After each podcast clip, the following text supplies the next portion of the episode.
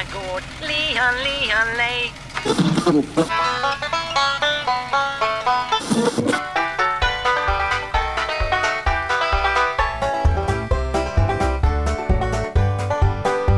Du lyssnar på Bondepraktikan presenterad av Bulletin. I besättningen finns vanlig ordning, Per-Ola Olsson och Rickard Axdorff. Vill du höra avsnitten en vecka innan gratislyssnare och har köpt gödsel för nästa år innan priserna stack kan du alltid teckna en prenumeration på Bulletin. Med detta sagt, vad har du dödat idag Rickard? Det är lite roligt faktiskt, för att den frågan dyker upp oftare och oftare. Det är så här, när folk, man pratar med folk i telefon och sen så vill man lägga på, men då kommer det så här, nej men vä vä vänta, vad har du dödat sen sist? Eh, så att någon lyssnar ju på, på bondepraktikan, det är tydligt. Eh, jo, eh, jag, har, jag har en dotter som, eh, eller jag gillar det också för övrigt. Eh, istället för chickibits så äter vi anki-bits, det vill säga gräsänder eh, som vi skjuter och sen så gör mm. vi då chickibits på änder. Eh, så jag har varit nere, mm. vi har lite översvämningsängar som vi har byggt för den biologiska mångfaldens skull och för egen rekreation och för att folket i byn ska få uppleva mm. lite fåglar som flyger på, på nätterna och så där på kvällarna. Så där har jag varit nere i skymningstimmen och skjutit änder som flyger och man, det är ganska så, det är rätt mörkt så man, man får skjuta liksom mot månen ungefär. Och sen så har jag med mig Lemmy som springer mm. och hämtar dem där. Så det har jag gjort. Eh, det är dock sista gången eh, som någon på den här gården kommer att få göra det rent lagligt. Eftersom de där med långa fingrar på Naturvårdsverket är och förminskar mig och mina möjligheter att göra som jag vill. Eh, från och med nästa år får man nämligen inte jaga änder efter skymningstimmar utan bara fram till solens nedgång. Eh, vilket jag naturligtvis kommer skita fullständigt i om ett år. Som ett år den här tiden kommer jag vara olaglig. Eh, ni kan redan nu ringa till polis det här är bara jävla dumheter. Vi har hållit på med det här sedan urminnes tider och det kommer vi fortsätta med. Det är en mänsklig rättighet kan jag tycka. Så eh, gräsänder är svaret på sista frågan. Ja.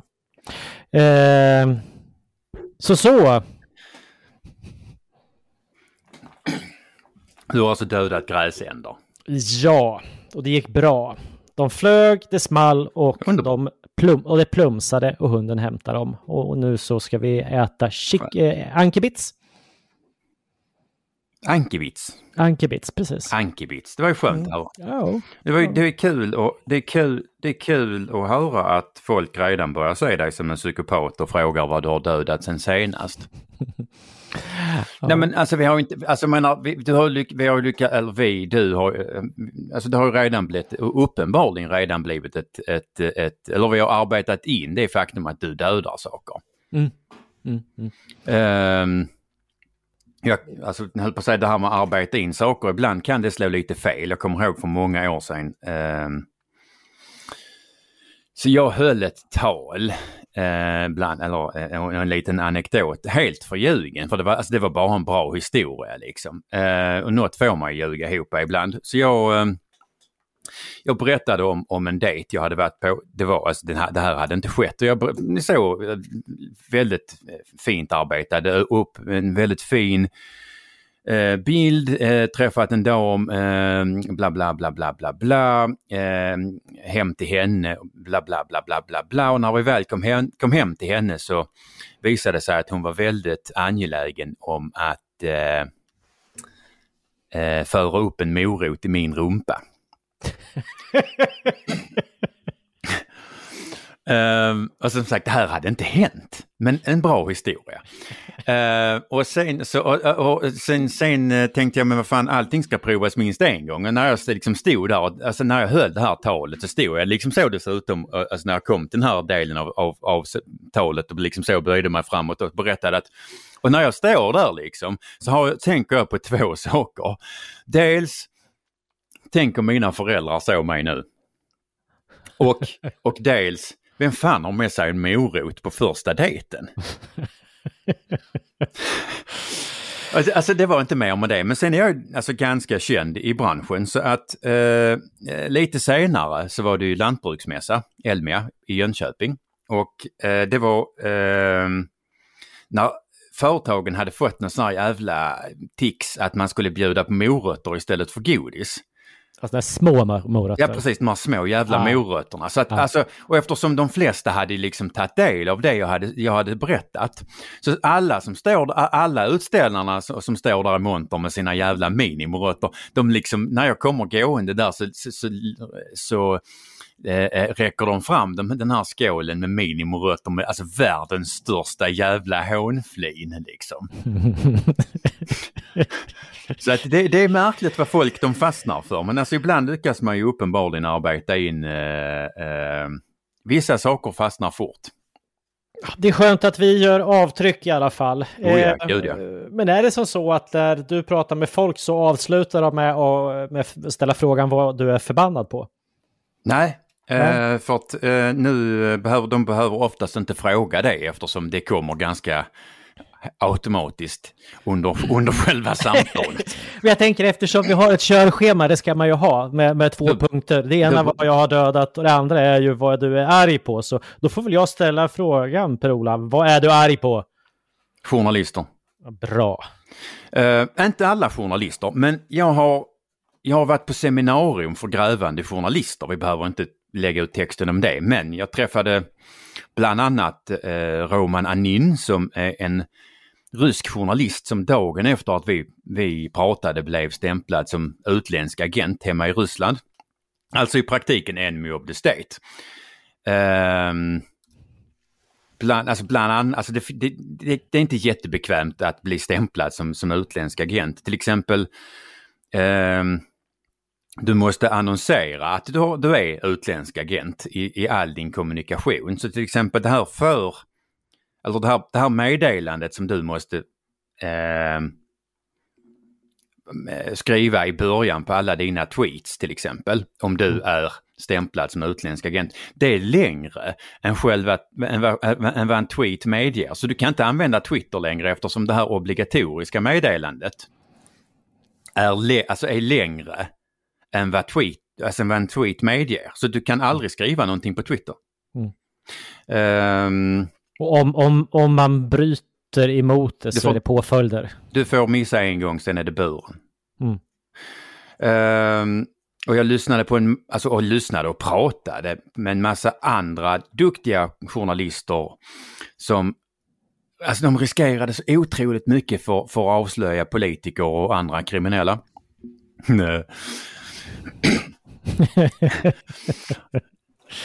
De, de, de, liksom, de hade kollegor som blivit mördade. Eh, de hade själva blivit hotade. Folk hade hamnat i fängelse efter alltså, menar, skenprocesser.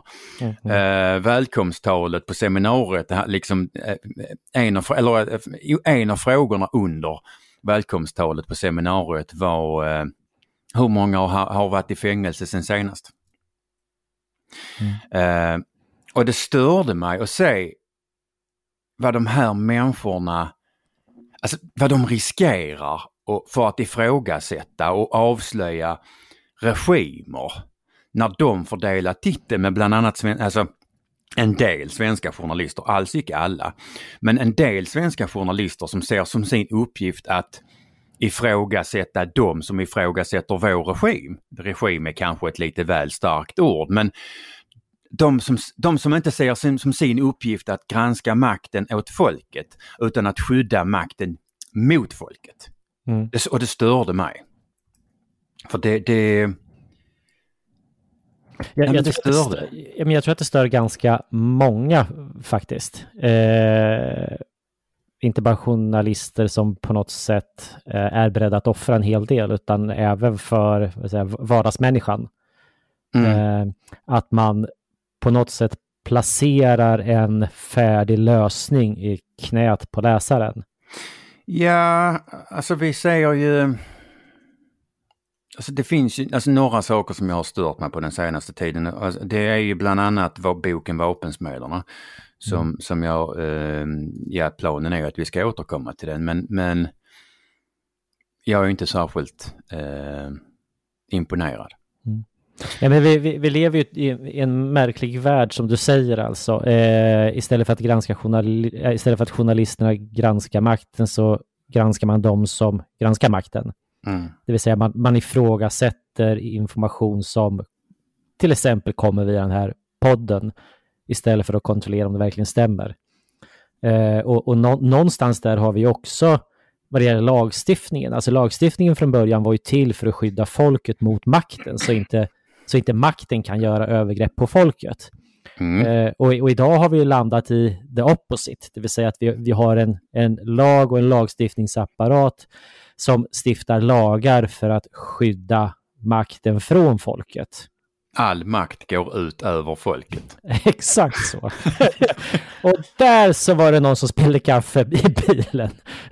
Eh, Okej, men, men eh, vart det pinsamt då när de frågade om folk hade varit i fängelse sen sedan och, och alla utom svenskarna räckte upp händerna? Eller Nej, nej, har du varit i nej. fängelse? Har du hamnat där? Alltså jag satt, alltså jag ska alltså jag satt, det satt lite och, och eh, alltså jag var, jag var lite sådär, ska jag räcka upp handen eller inte? Men nej, jag har inte varit i fängelse per se. Um, men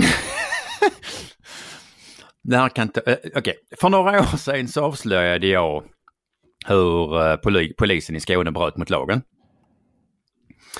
Ehm, jag har även fått en på ingripande verksamheten och blev prövad för tjänstefel. Ehm, ja, det var kanske inte världens bästa stämning, men ja, ja. Ehm, ja, ja, det är liksom, som sagt, det, det, jag gjorde mitt jobb. Ehm, och, och mitt jobb som journalist har ju varit att och, som sagt avslöja när de har gjort fel. Mm. Men eh, i fjol somras så var jag på väg in till Simrishamn och på vägen in eh, mellan, på vägen mellan mitt hem och Simrishamn så korsar cykelvägen bilvägen. Okej. Eh, och cyklar har väjningsplikt men det är, alltså, det är antingen något med cyklister eller med den övergången för där finns inga cyklister som, som stannar, ingen bryr sig, alla bara cyklar rakt ut. Ehm, eh, och där kommer jag körande och en snubbe kastar ut sin typ femåring på cykel i trafiken och det spelar liksom ingen roll att ungen hade hjälm för han hade fan mig dött om inte jag hade eh, alltså, tvärbromsat. Eh, och det syntes på gubbens, alltså snubbens hela kroppsspråk att han gjorde det för jävlas liksom. Så jag, jag svängde ner på cykelvägen och bara, eh, eh, jag körde kanske sådär 15 meter och hoppa ur och förklara för honom att när de sen cyklar hem igen så tänk på att de har väjningsplikt. För att Alltså alla vi som bor här, vi vet om att övergången inte är världens mest pedagogiska. Och vi sitter liksom med foten på bromsen när man passerar där. För att, alltså men när man vill egentligen inte ha ihjäl någon. Men på sommaren och just då så hade vi en hel del turister också som körde bil och de vet inte om det och det är liksom, jag tycker det är synd att ungen ska dö. Jag jag, ja, men det är det faktiskt. Alltså, jag, jag, var varken liksom, jag var varken arg eller spydig och liksom bara för inf- lugnt och städat informera honom att tänk på när ni cyklar hem igen att ni har väjningsplikt. För som sagt det är synd att ungen skulle dö. Ehm, på kvällen rullar polisen in på gården. Nej. Jo, lördag kväll, en löningshelg. Eh, två rätt skamsna poliser eh, eh, hoppade ur och berättade att de eh, gärna ville hämta mig till förhör. Jag, eh, alltså jag skrattade men jag stod och undrade varför i helvete de inte hade ringt.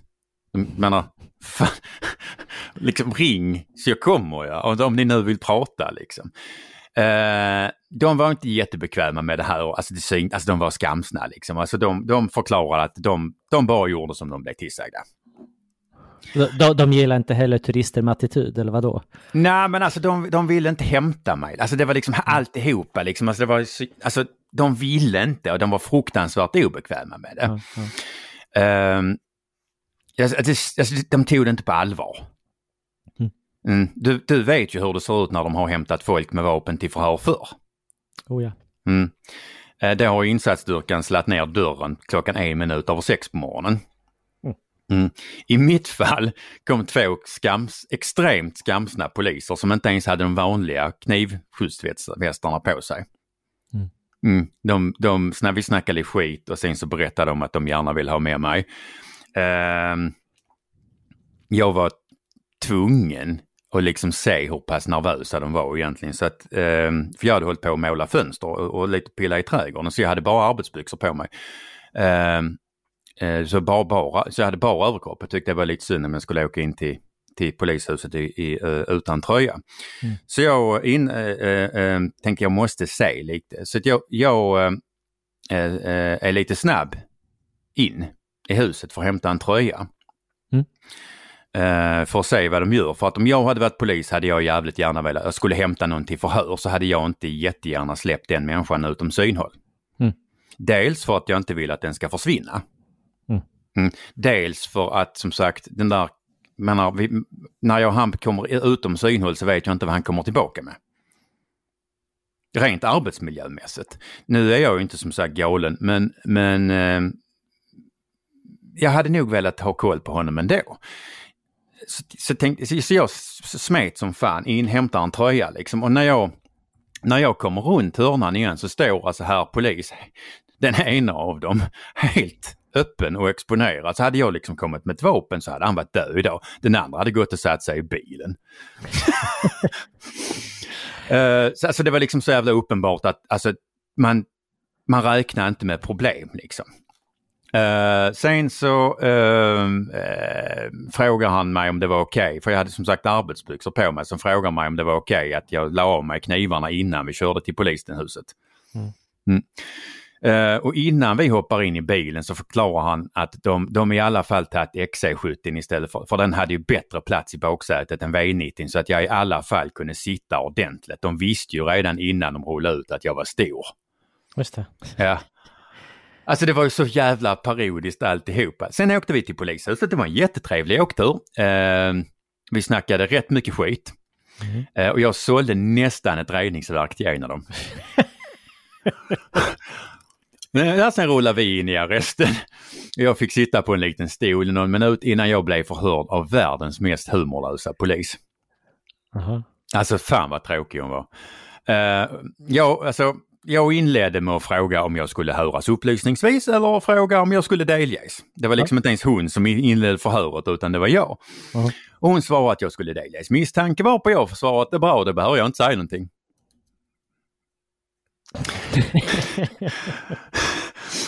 Uh, sen när jag liksom tänkte, men jag, jag avstår rätten till, för jag förklarar för henne att jag avstår rätten till försvarare och, och sen hör hon mig. Jag berättar att jag körde bil på en cykelväg.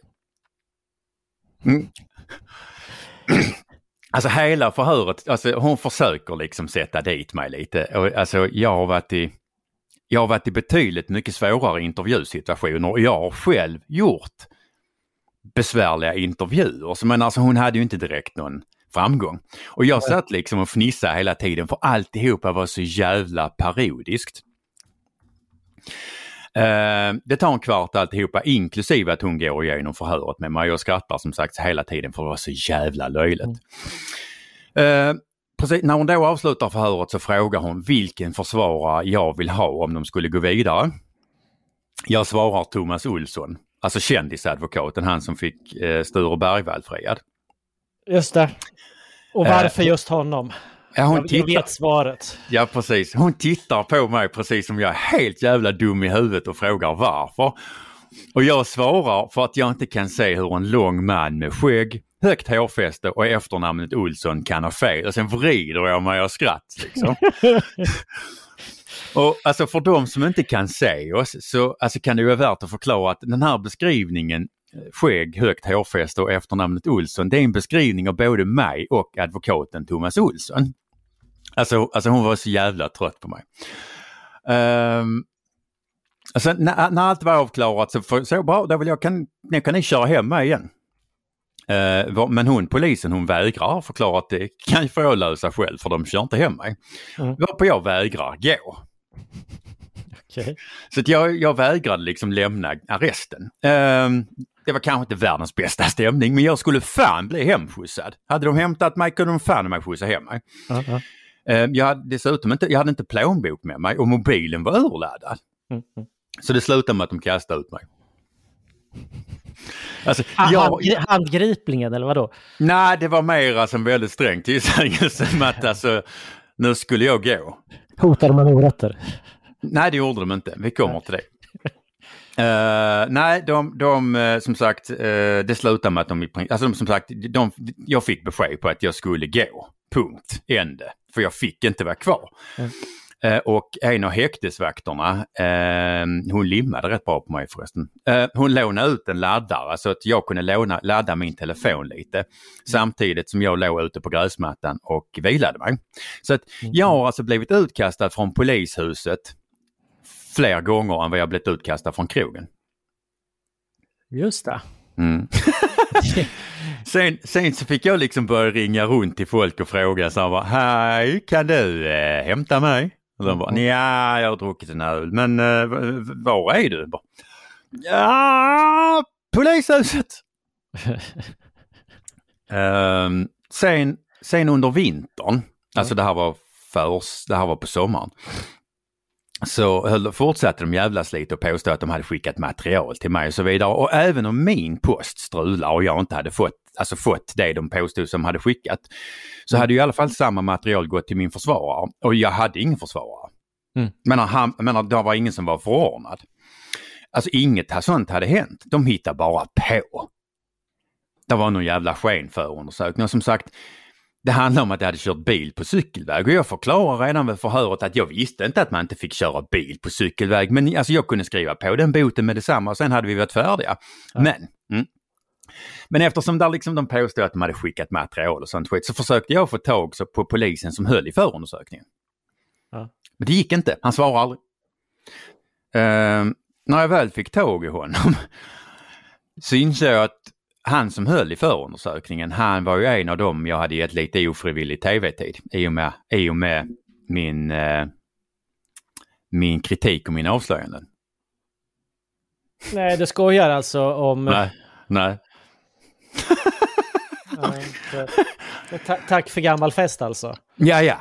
Jag är helt övertygad om det. För sen som, alltså, efter, efter att jag liksom hade kommit på att, alltså menar, han som höll i förundersökningen var en av dem som, som sagt, jag hade låtit vara i tv och en av dem som, som sagt, blivit kritiserad och avslöjad. Mm. Och hans kollegor ännu mer. Mm. Så mejlade jag polisen och begärde få kontaktuppgifter till åklagaren. För jag hade mm. några små form, formfrågor. Jag beskrev inte vilka men eh, vi kan väl kan, alltså, sammanfatta dem med att, att eh, jag var väl inte helt eh, övertygad om att regelverket medgav att en, en polis som jag hade eh, fått eh, visa i tv eh, och vars kollegor hade fått kritik och blivit fått eh, byxorna neddragna eh, skulle utreda mig. Helt tyst. De har inte svarat någonting, de bara försvann. Ja. Som en löning ungefär. Som Eh, nej, som sagt, trots att det börjar bli höst nu och det här var i vintras mm. eh, så har jag fortfarande inte fått någon återkoppling. Så från min horisont mm. så är det uppenbart att de, de passar på att visa musklerna och jävlas. Det var kul att dumpa mig fem mil hemifrån och skrämma mig lite utan mobil och plånbok. Just det. Det var kul att hämta mig istället för att bara ringa och det var det var kul att fortsätta och jävlas och påstå att man skickat material och, visa, och så vidare. Men de hade inte ens gått till tinget och begärt en försvarare. Mm. Och när jag begärde att få prata med åklagaren så bara försvann de. Så nej, jag har inte suttit i fängelse för mina avslöjanden men därmed är det inte sagt att jag inte har haft myndigheter som har jävlats med mig. Eller okej, okay, vi kan så. enskilda myndigheter som har passat, alltså använt sin myndighetsposition för att jävlas med mig. Mm. Alltså det där, eh, om vi breddar begreppet utanför polissfären så att säga, så ska jag väl förtydliga med att vi inte vet att det är så här, men vi har starka indicier på att det är så. Eh, för säkerhets skull. Eh, oj, ursäkta. Men, men eh, om vi breddar begreppet och landar som utanför polissfären och tar med övriga myndigheter så är det ju inte alls ovanligt mm. att man som bonde eller lantbrukare tvingas att välja om man ska ta en strid eller inte för att man man vet av erfarenhet eller från annat håll att eh, det, det kommer surt efteråt. Att, eh, okay, om jag bara utgår från mig själv, jag hade en strid mot Länsstyrelsen här hemma. Eh, jag vinner den, får besked ifrån Mark och miljödomstolen att eh, det är uppenbart att Länsstyrelsen gjort fel, att jag är drabbad. Dagen efter så ringer det en kontrollant från Länsstyrelsen och vill komma ut och kontrollera eh, mina djur. Eh, och det är ju inte en slump. Ja, ja. Eh, Alltså, nej, nej, jag- alltså, sen- sen- men det sen har ju de flesta råkat ut. Ja, ja, väldigt många har råkat ut för det. Men, men det, det finns en myndighet som sticker Ja. ut på ett positivt sätt och det är ju faktiskt, vi har pratat med flera olika myndigheter hur de agerar. Eh, och det är Skatteverket, Mm. för att den informationen jag fick det är att om du förekommer på något sätt hos Skatteverket eh, ena året, då är du typ blockad från Mm. året efter. För att misstanke inte ska uppstå om Mm. att man eh, liksom jävlas. Eh, men mhm. eh, vad det gäller länsstyrelser och en del andra myndighetsutövare så är det snarare tvärtom. Liksom. Att man, man, man låter bli för att det, det är inte värt det, för då får jag kontroll på något annat och sen så är det massvis med arbete och sådär. Men så vi ser det ju, alltså det ser vi ju att man där är ju många, alltså, vi vet ju att, att folk som har ehm, vunnit eller varit misshagliga eller haft, alltså genom att de helt enkelt rättfär, rättmätigt kritiserat myndigheten, de har ju fått kontroll dagen efter. Mm. Och fått förljugna protokoll och så vidare. Det vet vi. Ehm, vi eh, Ja, så vet vi en annan sak också. Det är ju att om, om det är så att man på något sätt får eh, någonting emot sig så är det ju betydligt enklare att eh, erkänna att ta en dagsbot eller vad det nu kan tänkas vara eh, än att gå vidare trots att man har rätt. oh ja. Eh, Så det finns en hel del eh, fall där man har erkänt att man har gjort fel fast man egentligen inte har gjort det för att det var den smidigaste vägen ut helt enkelt. Gud, gud ja. ja men alltså det tar ju energi. Uh, och menar, alltså som, som vanlig människa så tror jag, alltså menar det måste, alltså det måste ändå känna, göra lite ont i magen liksom och hamna, eller så komma in på förhör. Ehm, jag fnissade mest men det beror på att liksom, alltså det finns ju väldigt lite som skrämmer mig nu för tiden. En av de roligaste dagarna i mitt liv, eh, inte den roligaste, men en av de roligaste dagarna, det är faktiskt när jag är uppe i arrendenämnden mot eh, Telia för att jag, jag eh, har, har sagt upp deras arrende på en telemast. Eh, Okej. och och eh, de accepterade inte det och då skulle vi upp till förlikning i arrendenämnden. Mm. Eh, det var fortfarande en av de roligaste dagarna. Jag hade väldigt mycket på benen. Och sen så, ja, du kan skicka med tips till våra lyssnare om ni hamnar i den situationen som jag var. Eh, har ni, tror ni att ni reder ut situationen själva och inte behöver någon som hjälper er, så ta ändå med grannen. Se till att han sätter på sig sin sny, snyggaste kostym och att han sitter bredvid dig. Och sen så när man presenterar sig då, vem som är målsägande och så vidare, så, så, så, så säger då den här grannen att han inte önskar uppge sitt namn för rätten. Det är jätteobehagligt att sitta på andra sidan nämligen då och inte veta vem fan det är som sitter där.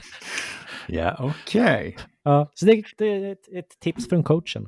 Tips från coachen. Men du är ju, du är, du är ju också, du är gammal tidningsmakare. Jag menar, jag har ju mer varit, varit, varit alltså, journalist eh, och du har ju varit på, vad ska jag säga, lite högre upp i hierarkin, alltså den som fått, eh, fått eh, eh, allt, alla avslöjanden levererade till dig. Men har, alltså, menar, vad, har du varit med att avslöja? Eller framförallt, har du, har du suttit i fängelse?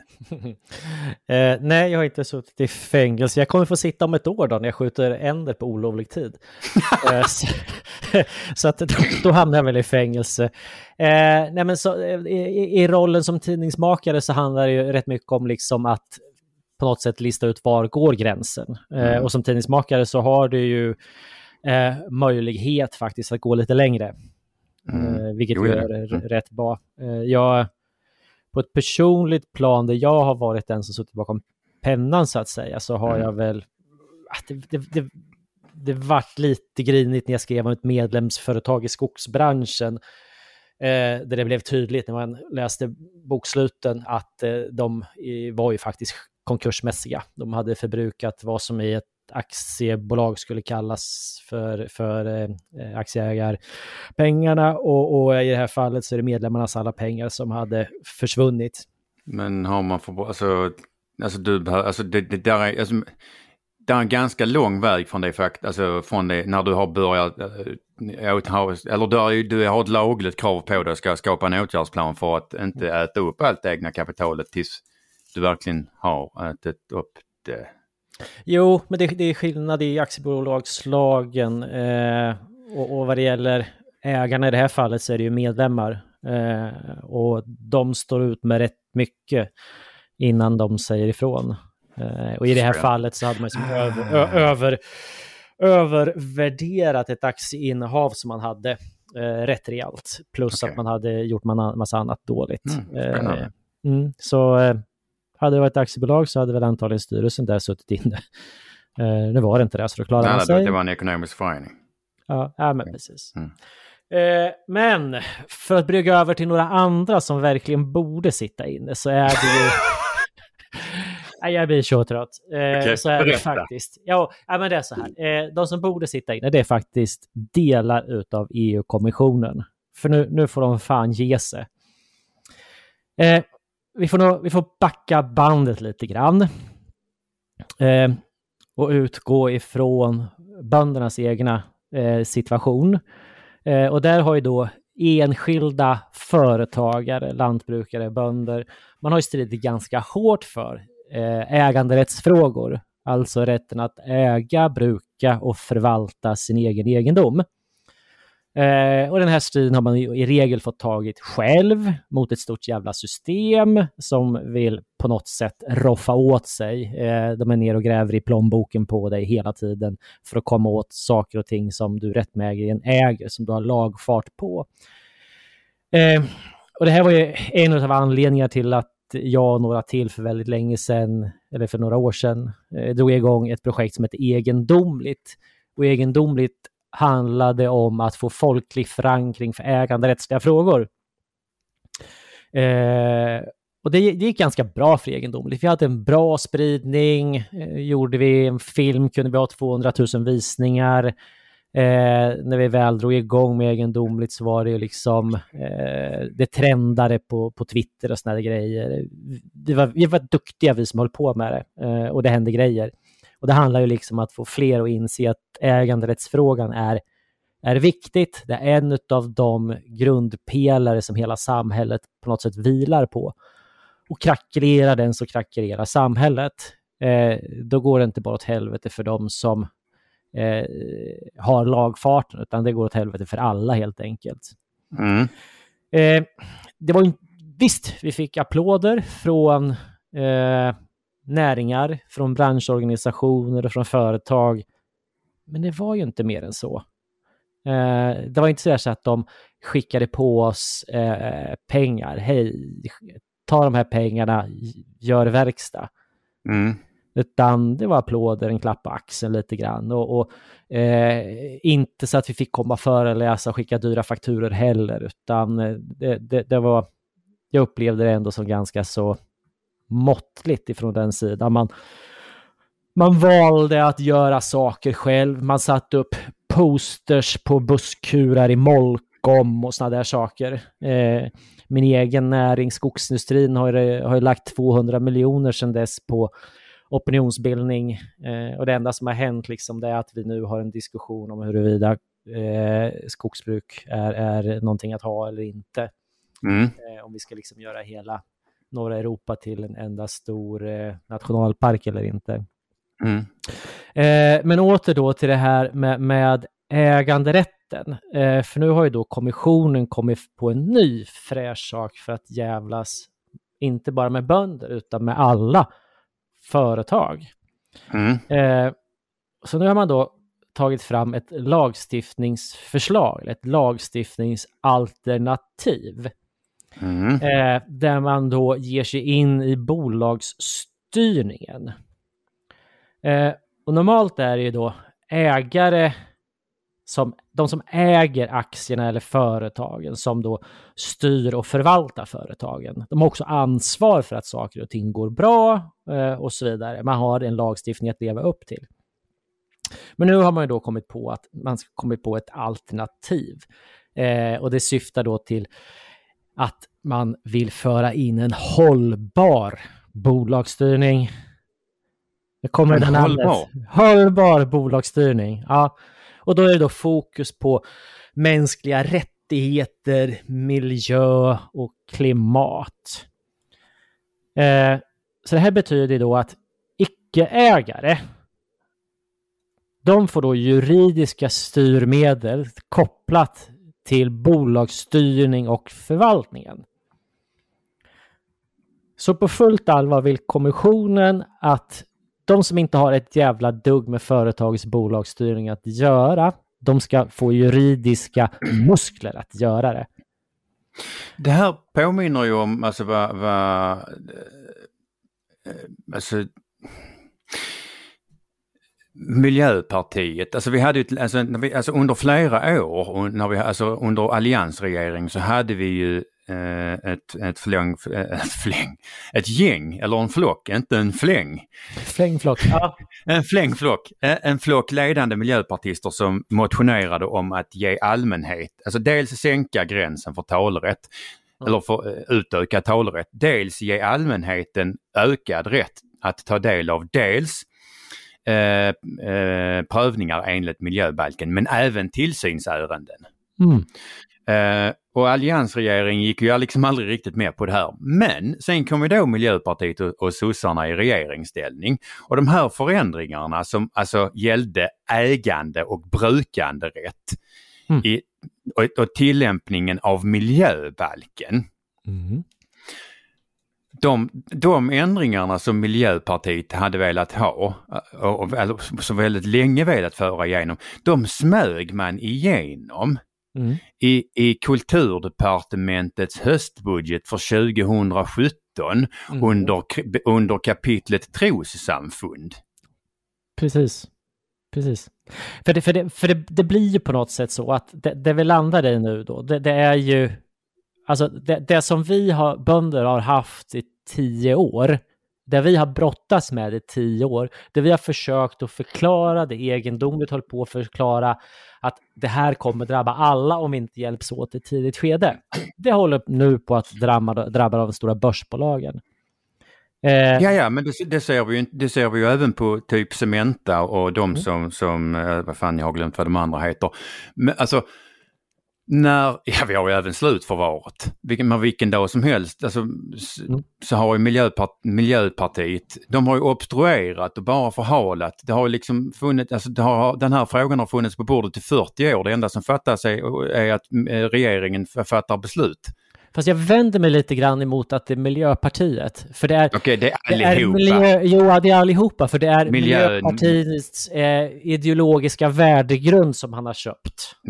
Ja, ja, hela miljönomenklaturen. Men ja. det, är, det är Per Bolund, eller Miljöpartiet med Per Bolund i spetsen som alltså, rent formellt förhalar det här nu. Precis. Och menar, de, de förbjuder det inte, de bara gör det omöjligt. Mm. Uh, så att, alltså, och, jag menar, tänk dig, mm. eller rättare sagt, jo tänk dig, men när man kan bete sig som de har gjort i typ Cementa. Mm. Eh, där, där man, man tycker att det är en vettig invändning att Cementa inte har, har räknat eller uppgett kön på alla plantor av växten kärrgrissla. Mm. Eh, så, och det är ett stort företag och det är en väldigt väl uppmärksammad process. Tänk dig då liksom vad en, alltså en ensam lantbrukare eller ensam skogsbrukare i en helt anonym process har fått utstå. Mm. Ja, och, och, och om, om det är jävligt nu, titta in i framtiden. Alltså man öppnar, i och med det här förslaget så öppnar EU-kommissionen för, för, för liksom det är öppet mål för all typ av politisk och juridisk aktivism som du kan tänka dig. Och inte bara aktivism utan kontroll. Kontroll över bolag. Det är riktigt obehagligt. Ja. Uh, och, och, samtidigt då för den som är lite historiskt bevandrad, vilken inte jag är i regel, men, men uh, det, några andra som jobbade på mm, ungefär mm. liknande sätt, mm. det vill säga uh, stoppa in någon åsiktspolis i ett bolag. Mm. Eh, för att hålla koll på vad bolaget tyckte och tänkte så att man inte gjorde mm. någonting mm. konstigt så som att exempelvis, eh, det, det, det, det, var ju under andra världskriget. Ja, Då jo. hade ju nazisterna åsiktspoliser som satt i bolagen. Ja. Eh, och det, det är sjukt på något sätt att inte historien är mer närvarande, för det är exakt samma sak som man håller på med nu. Man stoppar åsiktspoliser, sådana som inte har någonting med, med, med företagets ägande och bolagsstyrning att göra egentligen. Stoppar man, man, man ger dem tillträde in i styrelserummet. Mm. Eh, så vi, vi har ju på något sätt en kommission nu som agerar på ett liknande sätt i alla fall. Eh, så att vi i framtiden kommer ha personer som kommer sitta och riskera, liksom, registrera och agera i bolagsstyrningar. Inte utifrån hur vi agerar idag och inte utifrån ägardirektiv utan utifrån sina egna beliefs, tyckanden, kännanden och så vidare. Ja, alltså något som bäst sammanfattas med den för dagen mest accepterade eh, ideologin. För det finns ingenting som säger att, att ideologier ändras över tid, det ser vi. Mm. Mm. Jo, och, och, och för att för, så frågan är ju liksom da, dagens, det, det som är dagens nazister på något sätt, eh, är vår EU-kommission. Det, det, alltså det blir rejält skruvat. Och då, och då kan man twista till det här ytterligare eftersom eh, jag såg att det hade kommit då en öppen fråga till eh, vår justitieminister. Ni vet Mm. han, han som jag döpte en gris efter. Mm. och eh, den frågan handlar ju precis om hur ministern tänker skydda svenska bolag mot EU-kommissionens förslag, vilket han ju inte kommer klara av. Eh, men vem tror du det är som har skrivit motionen då? Vilket parti? En nazist. Ja, precis. En sverigedemokrat. Alltså, Okej. vi lever i upp och nervända världen på något sätt. Mm. Ja, Ja, ja. Men eh, det och liksom... gör vi. Förhoppningen är väl kanske att vi... Tänk om du och jag kan få fler att gå på händer så att man ser världen så som den är. Ehm, ja, nu kan inte i och för sig inte jag gå på händer, men skitsamma. På ta, men, men alltså, eh, på tal om att se världen som den är.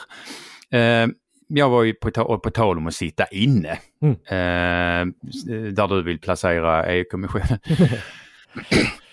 Eh, alltså, det här, alltså jag, som sagt det här seminariet jag var på, jag, fick, jag har ju som sagt gjort rätt många gräv och jag fick li- efter seminariet lite nytändning för grävande journalistik. Mm, mm. Och vi vet ju att vi har eh, stöldligor, utländska stöldligor i Sverige. Mm, mm.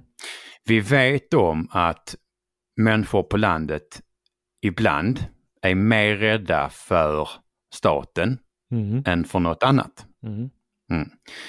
Eh, och vi vet om att vissa områden så finns det väldigt lite poliser. Mm. Eh, givet liksom hur det låter i, när, man, när man pratar med folk på landet så är jag tämligen säker på att det finns folk i Sverige som har haft påhälsning i maskinhallen, garaget, sprutförrådet, eh, vad som helst. Och fredat sin egendom lite väl häftigt och råkat slå ihjäl en tjuv. Mm. Men inte har vågat ringa polisen för att de har varit helt övertygade om att de kommer åka dit. Mm. Mm.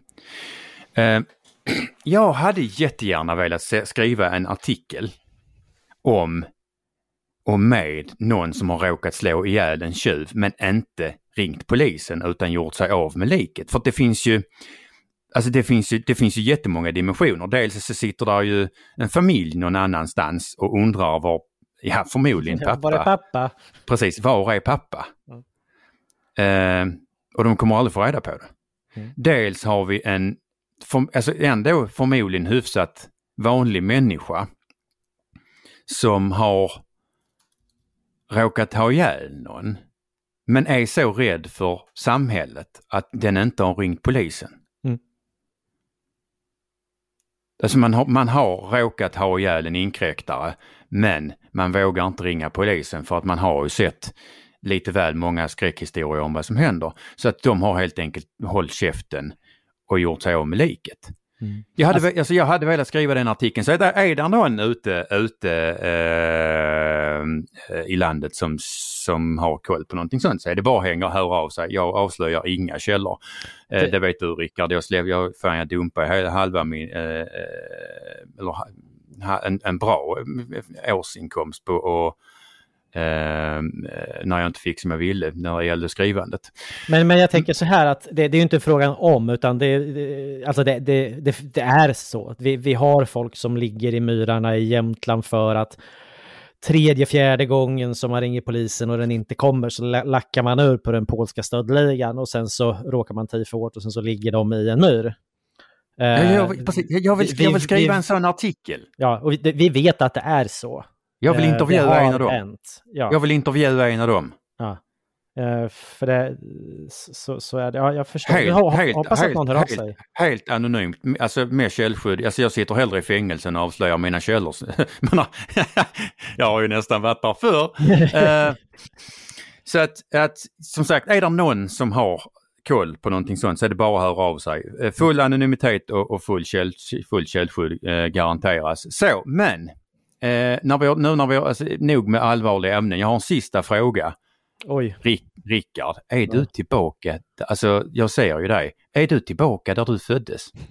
Farstun. Uh, jo, faktiskt så är jag det. Jag hade lite problem med uppkopplingen så att jag, jag sitter i farstun. Eh, Har, så, du skruvat, har du skruvat fast micken i... Ja, jag, jag göra fast micken i ett 1800-talsbord. Eh, jag sitter på en stol från Gotland. Jag har en gammal grön bakelittelefon med du vet, det här 019-numret kvar fortfarande eftersom ja, men du vet, vi, vi har haft det så himla länge så att ibland ringer en avlägsen släkting och enda numret de har det är det 019-numret. Så det ringer Mm. i den ah, två gånger om året. Det kan vara värt Nej. vad det nu är, 500 spänn. Ja, ja, ja. Så med det sagt så tror jag att vi tar och avrundar. Tycker jag. Du har lyssnat på det åttonde avsnittet av Bondepraktikan, presenteras av Bulletin. Och idag har Prola redan berättat om andra gången han har varit inlåst.